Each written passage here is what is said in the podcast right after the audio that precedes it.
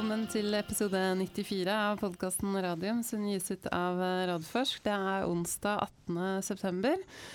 Eh, I denne podkasten snakker vi om kreftforskning, utvikling av ny kreftbehandling og ikke minst eh, porteføljebedriftene til eh, Radforsk. Velkommen tilbake til studio, Jonas Einarsson. Jo takk, Elisabeth. Det var veldig har... hyggelig med en liten pause. vi har akkurat hatt Nordic Nanovektor, men vi er så ivrige i dag, så vi tar en, tar en double. Eh, og så er det veldig hyggelig å si eh, velkommen til eh, Mikael Engsig, som er CEO i Vaxibody. Takk skal du ha, Elisabeth. Ja, Og Agnete Fredriksen, president og chief scientific officer, også i Vaxibody. Ja, det, ja. Har, vært, det har vært lenge. Der har det vært lenge. Ja. Sånn er det når du gründer ting, vet du. Ja, Kommer aldri unna da. Og så er det hyggelig å ha deg tilbake, tilbake i podkasten, Agnete. Og så er det første gang for deg, Mikael. Jeg håper du bare har hørt hyggelige ting. Bestemt. Ja. Noe annet hadde vært, vært fælt. Um, du, du, er jo ganske ny som, som CEO i, i Vaxibody, men du har vært i selskapet et par år. Men uh, for våre lyttere så tror jeg kanskje ikke at uh, de føler at de kjenner deg eller vet hvem du er. Kan ikke du fortelle litt om deg selv først, og bakgrunnen din? Det kan jeg bestemme. Så, mm. Du er dansk, da. Ja, det kan vi jo begynne med. Det kan vi avsløre med en gang. Det kan jeg ikke skjule. Så dansk baggrunn, og er opprinnelig utdannet på Det tekniske universitet i Danmark innenfor bioteknologi. Og har brukt det meste av min karriere bredt innenfor bioteknologi, tidlig utvikling av legemidler, og bredt i farmaindustrien. Uh, så jeg startet min karriere i et lille biotekselskab i Danmark, der hed uh, Nordic Bioscience, som stadigvæk er meget succesfuldt, hvor vi lavede uh, early drug discovery inden for osteoporose og, og knoglemetastase. og derfor havde jeg så et kort spring over i den finansielle industri, hvor jeg i en periode var aktieanalytiker på farma- og bioteksiden. så sprang jeg tilbage til pharma i industrien og var inden for projektledelse på senfaseudvikling av legemidler i en virksomhet med stolte norske aner, Nykomed. Mm. um, og der, der, levede vi jo meget på å indlicensere projekter i uh, mellomfasen av udvikling, så typisk i fase 2. Og så ferdiggjøre den kliniske udvikling og ferdiggjøre registreringsstrategien og få det igennem godkendelsesproceduren og lanceret det var liksom vores businessmodel uh, dengang. Og det var der jeg fikk den erfaring med at tage projekter inn og færdiggøre udviklingen og få dem igennem hele registreringsprocedurerne på markedet. Så uh, blev uh, Nycomed igennem forskellige både opkøb og til sidst købt opp av japanske Takeda. Så jeg hadde en kort tur i Rusland på fire år, hvor jeg bodde i Moskva og byggede en RD-afdeling opp derovre. Der skulle tage fat i, i den innovation, innovation, der foregår derovre. Der foregår meget mere, end man går og tror. Mm. Um, og uh, efter at have tilbragt uh, en del derovre, tilbage til Zürich, stadigvæk for Takeda, hvor jeg arbejdede i den kommercielle operation sammen med, med markedsførte produkter. Mm. Og så gikk jeg videre til uh, et firma, der hedder PVD, som er et stort internationalt clinical research uh, organisation og kører køre store øh, kliniske studier på, på verdensplan for øh, farma og biotek. Og der var jeg ansvarlig for alle kliniske studier i Central- og Østeuropa. Og derfra til en virksomhed baseret i København, så det var tilbake til danske rødder, der hedder Clivo, som har specialiseret seg i øh, å konsultere biotek-selskaber med legemiddeludviklingsstrategier, specielt også i tidlig fase. Og I den forbindelse kom jeg i kontakt med et norsk biotekselskap kaldet Vaxibody tilbake i februar 2017, og har egentlig vært uh, tett knyttet til Vaxibody siden uh, den gang i starten av 2017. Inntil for uh, ja, snart halvanden måneds tid siden, hvor jeg kom opp og sprang over fuld tid for, for virksomheden. Mm. Spennende. Trygt, siden du har dekket hele verdikjeden gjennom Det var akkurat det jeg skulle si. Er det noe du ikke har vært innom der, liksom? Ja, det må være basalforskningen. Det, er vel, det, er, det er vel det som mangler, ellers har du vel vært borti alt? Ja, jeg har faktisk også vært i grunnforskning i, i det første stykket tid. Så jeg har også stått i laboratoriet med kittel på og lavet cellebiologi. Og, ja. Da tror jeg vi setter to streker under svaret, at du har, det dekker hele verdikjeden. Ja. Det er imponerende. Snakker du russisk også? Uh, Nimnorga. Tjut-tjut. jeg snakker ikke russisk. Jeg aner ikke hva det betyr. jeg snakker ikke mye russisk, men jeg har vært bedre til det. Ja, ja. Hm. ja men så, så, utrolig spennende. Men, men, sett ut fra da den bakgrunnen, uh, og du har da sikkert hatt en del jobbtilbud og kunne velge og vrake, hvorfor Vaxibody? Det er da ikke et spørsmål å stille engang, Elisabeth. Vi hører hva han sier, da. Nei, det er jo fordi Vaxibody har Og nå, nå kjenner jeg jo Vaxibody godt gjennom denne her uh, perioden på to og et halvt år hvor jeg har mm. arbeidet sammen med dem. Og uh, er jo kommet til å kjenne teknologien uh, bak Vaxibody. Så en forferdelig spennende teknologi uh, som Vaxibody sitter på her. Der kan brukes både, både innenfor de projekter, der kører nå, som er uh, noe av det mest interessante jeg har arbeidet med innenfor biotek men der er potentiale til å brede det ut over et langt større felt, øh, som, som, vi også skal til å kigge på i mm. fremtiden. Og så synes jeg det er noen forfærdeligt dygtige mennesker. Mm. Øhm, nå sitter Agnete og smiler, men, men det, det, er noen riktig dygtige mennesker der er blevet samlet i denne virksomheten. Mm. Så det var en fornøjelse å arbejde med dem uh, så langt. Mm. Så bra. Eh, men altså, vi må innom elefanten i rommet, så vi kan like gjerne ta den med en gang. Hvorfor i all verden sluttet uh, Martin Bonde? Jeg, jeg, har til og med hørt på en dansk podkast fra, fra, Medwatch, hvor de hadde en eh, lengre diskusjon, eh, debatt, om hvorfor, uten at de egentlig konkluderte med noen ting. De var ikke så veldig kloke på det, rett og slett. Så men da tenkte jeg haha, jeg skal jo ha Agnete og Martin Mikael i studio, så jeg kan bare spørre dere. Nei, altså det er jo um, Det er jo egentlig en sånn stor prosess med en enighet og diskusjoner mellom, uh, mellom alle parter i forhold til uh, den ulike fasene som vi går igjennom uh, nå. Det mm. er jo skjedd utrolig mye under Martins ledelse. Mm. Du tenker fire Virkelig. år tilbake i tid. Ja, ja, um, hvor vi var, eh, var fire-fem stykker igjen når eh, Martin kom og hadde, var på vei inn i klinikk. Jeg tror vi doserte den første pasienten noen uker etter at Martin mm. kom i denne HPV-studien vår. Mm. Og han satte jo i gang denne prosessen å lete etter eh, hvor skal vi gå videre, hva er liksom perfect fit for Vaxibody veldig raskt. Som eh, da har endt opp i Neontigen-programmet, som har vært superviktig og superriktig mm. for Vaxibody. Mm. Eh, og dratt selskapet der fra å være fem stykker og egentlig ikke klinikk, til der vi er i dag, hvor vi har eh, clinical proof of concept eh, egentlig nå da med to forskjellige programmer, både i forstadier og i, i kreftpasienter senstadige kreftpasienter, og kommet sånn sett veldig langt. Så er det jo nå en, en ganske kompleks fase vi setter foran oss nå, som ser litt sånn annerledes ut. Så jeg tror alle følte at dette var et sånt riktig tidspunkt mm, um, sånn, til en litt sånn endring. Passer veldig med ja. hvor vi er i selskapet. Ja. Ja. Mm. Mm. Og så hadde vi jo Mikael allerede om bord. Gikk jo rundt og var litt sjefete allerede.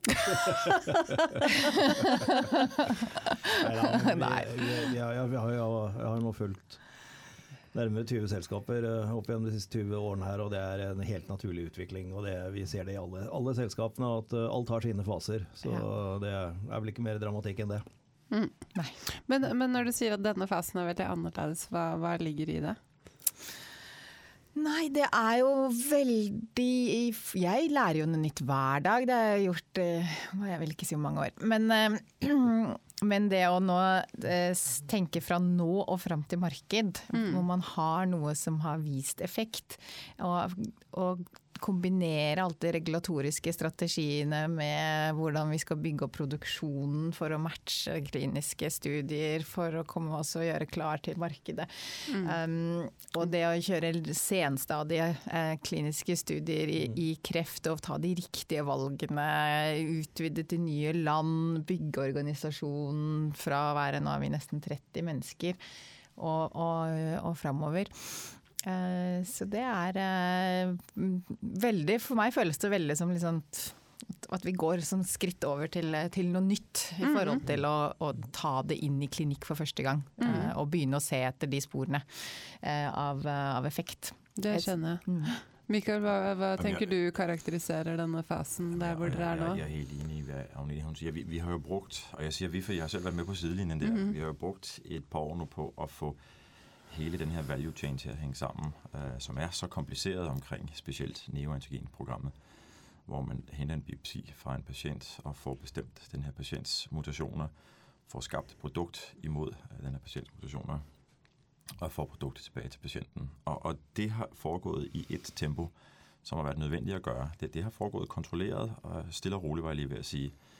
Um, og nu er vi nået dertil, hvor, som Agnete hun siger, vi har et proof of concept på, på teknologien, vi har fået rimelig godt styr på processen, og nu er tiden kommet til at trykke på speederen på de kliniske udvikling og, og få tingene til at ske, ske endnu hurtigere. Hmm. Det er på tide, vi får en regulatorisk strategi uh, på plads, Øh, vi skal også bredt den regulatoriske strategi lidt ud. I dag kører vi kliniske studier i Tyskland, og det er klart, man kan ikke komme på markedet med, med kun at køre kliniske studier i Tyskland. Mm. Så vi skal også ud af, af den region. Øh, så, så det er ligesom, som du også siger, vi er mm. kommet til, til, til et naturligt punkt i virksomhedens udvikling, hvor, hvor det bare skal skifte karakter og skifte gear på, på en anden måde. Mm. Det Nei, for Det som kjennetegner Voximo, det er på en måte at det er et plattformteknologiselskap. Ja. Ja. Eh, vi har jo selskaper som har det som er teknologiplattformer, og vi har selskaper som har ett produkt. Mm. Hvor det er i gåseøyne, vel å merke, lettere. fordi da, da, har du på en måte pekt deg ut en vei du vet du skal gå. Eh, mens med en, med en plattform så er det jo så legio muligheter. Det gjelder jo både å holde fokus og ha noe som man sier hvis dette skal vi ha så langt ut som mulig, men samtidig ha alle dører åpne for samarbeidspartnere og, og andre. Mm. Så jeg tror at det er et veldig komplekst bilde å lage denne strategien for et selskap som dette. Det er det, og uh, en av de ting, som, som jeg ved Martin har haft meget fokus på, det, det var, at virksomheden skulle bevare et meget tydeligt uh, fokus og, og nogle prioriteter mm. på at få bevist, at konseptet konceptet hænger sammen. Og jeg er helt enig med, nu, nu er vi nået til en, til en fase, hvor, som jeg sagde før, konceptet er bevist, og, og vi har styr på processen. Og, og nu er det, at man kan begynde at tænke en anelse bredere og sige, skal vi, skal vi begynde at tænke på de yderligere mm. muligheder, der helt tydeligvis ligger i den her uh, mm. teknologiplatform. Og, og hvor, hvor mye er det dere har Dere er ikke børsnotert, så det er litt vanskelig å følge dere sånn sett, men dere har jo en god del aksjonærer. Eh, så dere har jo en, en, en, policy på det og hva dere sier. Og hvis dere skulle ha et møte med meg nå da, som investor, og så si hva, hva er satsingsområdene de nærmeste tre til fem årene? Og hva er det dere har bestemt dere for å gjøre? Hva er filosofien rundt uh, samarbeidsavtaler? Hva har dere som dere kan fortelle om i dag? Og hvordan tenker dere det? Tenker dere å kjøre ett produkt innen en, en, eh, indikasjon helt ut selv for å gjøre det, eller er det mer eh, sånn pragmatiske forhold til samarbeidspartnere? Vi uttaler oss jo ikke særlig uh, ofte omkring vår samarbejdsstrategi øh, af, af forskjellige grunde, og, og, det kommer vi nok til å holde fast i. Man kan si vores øh, helt overordnede prioritet er at få øh, endnu mere fart på vores kliniske udviklingsaktiviteter. Og det, det er i, i begge de to programmer, vi har. Øh, derudover skal vi have øh, lagt flere kræfter i at, at få forbedret vores produktionsproces, specielt inden for neoantigenprojektet. Mm. Det bliver en, en konkurrencemæssig øh, parameter, som vi skal have styr på, og vi skal vinde den kamp. Mm. Øh, så det kommer vi også til at have fokus på. Og så den tredje prioritet, øh, vi har sat for os selv, det er at få en god, solid regulatorisk strategi på plads, der både viser vejen frem til markedet, uanset om det så bliver os, eller om det bliver en partner, der tager, mm. tager det frem til markedet, men også øhm, tager os ind i, i de nye territorier, hvor vi også er, er nødt til at være til stede. Mm. Og så har vi også sagt, at vi er nødt til at kigge på de muligheder, der ligger i, i teknologiplatformen, og, og se, hvad kan vi gøre der. Og, øh, og Nette, du kan også tale om de samarbejdsprojekter, vi har lavet med, med mm. forskellige øh, store partnere. Mm. Mm. Og så er det jo veldig naturlig, sånn når vi får ny ledelse, at vi tar en ny runde Eh, og ser på alle mulighetene og ser mm. hvor det er vi vil eh, gå. Dette mm. gjorde vi jo for fire år siden med Martin. Jeg husker at jeg syntes at den prosessen var tung og lang og vanskelig. Og jeg tror den egentlig tok tre-fire uker. Men, eh, men, men, Så vi er jo egentlig i startgropen og gjør dette sammen med Mikael nå igjen. Og involverer alle i alle i selskapet der. Så, mm. så er jo, det er uansett litt tidlig å uttale seg om hvor vi ender. Ja. Men uh, vi har definitivt begynt å åpne alle kortene, og så ser vi hva, hva vi syns er mest fornuftig å gå etter når vi har gjort en ordentlig analyse der. Mm. Eh, så det er, jo, det er jo ikke bare pga. Mikael heller, men det er liksom naturlig når vi har så klare signaler um, nå med to forskjellige programmer um, i mm. klinikken, at, mm. uh, at, vi da må begynne å tenke nøye igjennom hvordan uh, tar vi vare på mest mulig av verdiene i, som ligger i plattformen uh, vår, og sørge for at vi, at vi, tar de riktige valgene. Mm. Det er, det er, jo sånn, Sett utenfra da, så har dere på en måte nesten et sånn luksusproblem. Nettopp fordi dere har så mange veier dere kan gå. Men det, selvfølgelig skal man ta de rette valgene, men dere har jo valgene i hvert fall. Mm. Ja. Det, så det, det, må jo være en god, en god følelse. Ja, det kunne vært mm. mye verre. Ja. og det er en balanse mellom å stadig bevare fokus og fremdrift på, på hovedaktivitetene, ja. og se mulighetene utenfor oss. Mm. mm. Klart det. Mm. Men uh, hvis vi går, går til uh, klinikk og det dere har gående, vi kan jo ta HPV først. Uh, hva er liksom oppdatert status der, Agnete? Nei, der vi har jo konkludert eh, egentlig den første studien som var i, eh, i damer som hadde forstadier til livmorhalskreft, eh, med gode resultater. Og som eh, forsker, i, for lenge siden i hvert fall, så var jeg forsker, så er det ekstremt viktig å ikke bare ha en tendens til gode kliniske resultater, men at de linkes med alt som bygger under vitenskapelig. Mm. Slik at eh, vi ser at det er de pasientene som har sterkest immunrespons som har best klinisk mm. respons, f.eks. Ja. Eh, og også at de som ikke har en fullstendig klinisk respons, har oppregulert denne sjekkpunktet som hemmer immunresponsene mm. til slutt. Eh, så det gir jo en sånn veldig komfort eh, for å, å, gå videre. Mm. Og var grunnlaget for at vi eh, hadde lyst til å dra det inn i, uh, i, kreft. Så vi um, nå planlegger den studien i livmorhalskreftpasienter. Mm. Og sammen med Roche eh, hvor de bidrar da mm. med sin sjekkpunkthemmer. Og der er vi on track. Det er alltid deilig å mm. føle at man er på de tidslinjene man predikerte for et år siden snart. Eh, så, så vi håper fortsatt å få dosert første pasient eh, på, på nyåret. Ja. Mm. mm. Mm. Og den blir jo da en studie i seks land, så nå kommer vi oss eh, definitivt i hvert fall ut av Tyskland. Ja. Og vi inkluderer Norge. Så bra. Så det er første gang vi tar Vaxipod i mm til Norge. Ja, det er veldig det er hyggelig å høre. Mm. Er det Radiumhospitalet? Ja. ja. Mm. mm. Kjempebra. Mm. Og så er det da neoantigen-programmet. Mm. Mm. Ja, det er jo fryktelig spennende. Mm -hmm. Det var jo, ja, kanskje det var spennende før vi startet, men det er jo fortsatt veldig spennende. Eh, bare det å få til å lage denne vaksinen til hver eneste pasient er noe vi er kjempestolte av. Mm -hmm. Og egentlig enda mer stolt av når vi hører hvordan mange andre som er våre konkurrenter har problemer med akkurat det. Mm. Mm. Det er jo ikke nødvendigvis så rart. Vi var også litt engstelige for at vi skulle mm, feile på noen, eh, noen av disse batchene. Mm. Men det er veldig sånn god følelse, og all kreditt til Mette Husbyen og hennes team mm. uh, for å stå på døgnet rundt for å få alt, uh, alt gjennom. Det er en uh, det er en ganske voldsom prosess med mm. mange partnere involvert, hvor mm. alle sammen må levere hele tiden. Og det orkestreres ekstremt bra fra Vaxibodys hovedkontor, mm. med, med, fru Husbyn mm. eh, som, som, stor sjef. Ja. Så det er veldig fint og veldig viktig for oss eh, når vi går videre. Eh, så har vi jo eh, kommet ut med de første immunresponsdataene. Mm. det er jo alltid spennende, men ekstra spennende når du velger eh, antigener eh, unike for hver eneste pasient, som aldri har vært testet om de i det hele tatt eh, kan gi en immunrespons mm. før vi gjør det.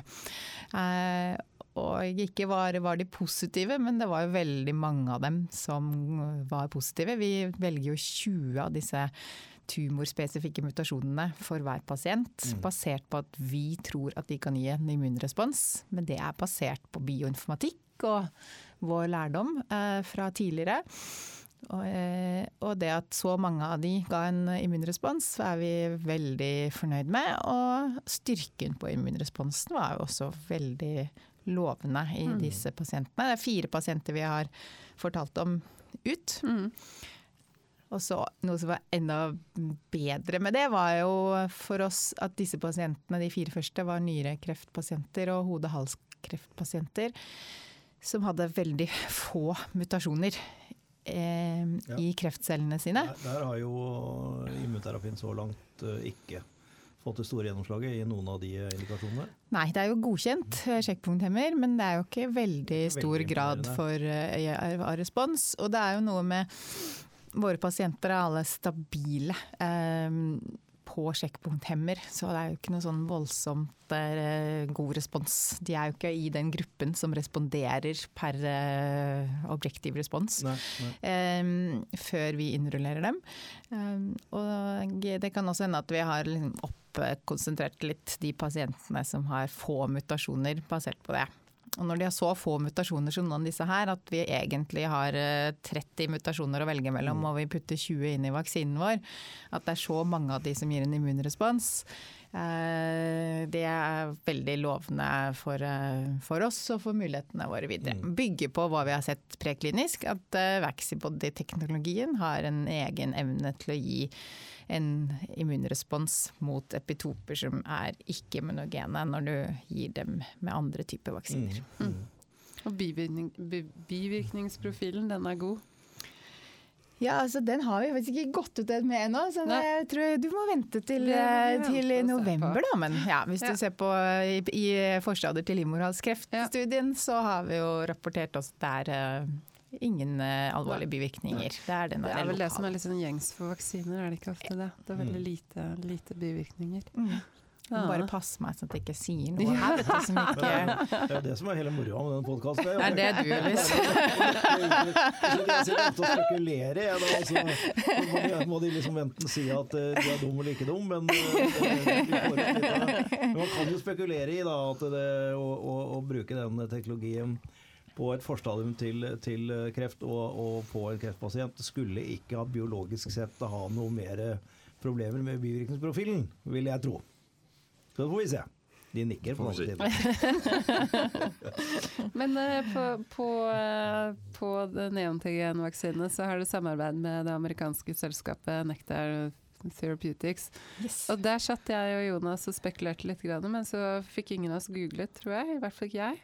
Der hadde det vært noe fra Nektar som var litt sånn ikke så positive nyheter. eh. Men nå, jeg husker ikke hva det gikk på. Jeg rakk ikke å google. så kan dere velge om dere vil si nei, da skjønner jeg ikke hva du prater om. Rakk du å se på det? Nei, jeg gjør ikke det. Nei, det gjør ikke det. Nei, det har vært en interessant reise med Nektar. Altså, vi har jo veldig tro på produktet deres. Vi har jo sett det selv også. Vi har jo mm. testet deres produkt sammen med vår vaksine, som er det vi er ute etter i klinikk. Mm. Hvordan Ja. fungerer disse sammen. Eh, og ser veldig sterke effekter eh, av å kombinere de, når vi mm. kombinerer de på riktig tidspunkt. Um, men de har jo vært gjennom en, en eh, veldig interessant reise eh, siden vi startet å snakke med dem. Da var det jo Eh, Vi begynte å diskutere med dem rett før dette SITSI-møtet, hvor de eh, eh, kom ut med veldig lovende data med sitt produkt, Nektar 214 sammen i Volumab, Mm. eh, i 2017-18. Ja, det må ha vært noe Ja. sånt Ja. Eh, og så gikk jo kursen veldig, veldig, veldig veldig opp. Eh, og så gjorde de en deal med BMS eh, basert på det. Og BMS og Nektar utvikler jo da disse videre i veldig mange ulike krefttyper. Og så er det jo av og til veldig farlig å snakke om prosenter når du har få pasienter i begynnelsen. Så når den går litt ned, så blir det litt krise Ja, sånn, ja. eh, Mm, i markedet. Men nå har de da eh, kommet med en forklaring um, som de nok eh, som kan jo til slutt da ende opp med at det er veldig positivt. Eh, fordi de har funnet ut at noen av batchene som de laget, ikke var så aktive som de skulle. Mm. Som de andre batchene. Men sånn at det betyr har fortynnet at effekten. Noen, noen av batchene er veldig effektive, kanskje. er jo det deres retrospektive analyse viser, og så får man se det. Men det er jo aldri hyggelig når man innser at, Nei. eh, at det ikke var full kontroll på alle batchene det er på den, det tidspunktet. Og så kan man jo håpe at uh, det fortsetter å vise veldig god effekt i klinikk når de bare bruker gode batcher. Mm. Så det er to sider av den saken. Stemmer det. det Og det vi vet er jo, at det ikke påvirker noget av det materiale, vi arbeider med. Nei, for det har dere fått sjekket at Ja. det ikke er noe Ja. Ja. problem der. Det er bra. Ja, og så tror jeg også at det, du, finner er det du sier, det er kombinasjonsbehandling. Eh, og det er jo, gjelder jo all immunterapi. At den, eh, den, den magic bullet som tar, tar over hele immunterapifeltet, den tror jeg ikke finnes. Jeg tror vi må fortsette å lete etter de riktige kombinasjonene. Mm. Og påvirke immunsystemet med flere, på flere Mm. vis og måter. Så det tror jeg er helt riktig tankegang. Mm. Mm. Og, det er lige præcis det her samarbejde er et eksempel på. Det er, det er et, et, kan man sige, vores bestræbelse på at finde ud af, hvor er det, vi skal positionere os henne Ja. i, i, hele den her behandlingsalgoritme. Øh, Så det det er, det er den her tankegang, vi også kommer til at kigge mere på i fremtiden. Mm. Og det er jo også det samme, vi gør på det andet projekt, når vi går ind og lægger os i samarbejde med Roche. Ja. Det er også et, en bestræbelse på at komme til at lægge på det rigtige tidspunkt i behandlingsalgoritmen øh, oven på de andre relevante produkter, der er på Ja. markedet. Mm. Mm. Og så har vi jo eh, Med neantigenvaksinen vår så har vi jo en ambisjon og en eh, jeg mener vitenskapelig begrunnet teori om at eh, alle pasienter vil ha nytte av å få eh, T-celler mot mutasjonene som er i kreftcellene sine. Mm. Slik at den, eh, hva man kombinerer med på ulike stadier, ulike kreftpasienter, Um, det kan være forskjellig, og når man kommer inn i Mm. løpet. Men at uh, det, hvis dette fungerer slik som vi håper det fungerer, så burde alle pasienter ha en vaksine eh, som mm. en del av denne kombinasjonen. Mm. Så er det veldig mange av de andre type immunterapiene som er mer uspesifikke, og som hjelper denne responsen, eller hjelper Mm. T-cellene å komme inn i tumoren, eller hjelper de å virke lenger osv. Mm. Eh, men det er ikke så mange av de andre immunterapiene som erstatter eh, kreftvaksinens unike eh, virkningsmekanisme.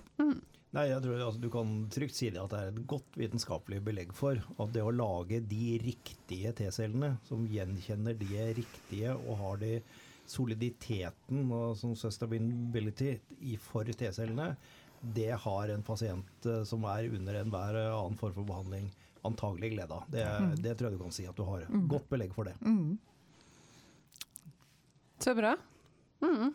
Eh, hvis man ser på noen sånn timeline som kommer fremover, hva er det vi skal vente på? Hørte du sa første pasient dosert på, tidlig på nyåret. Mm. Er det andre milepæler ja. man bør være obs på?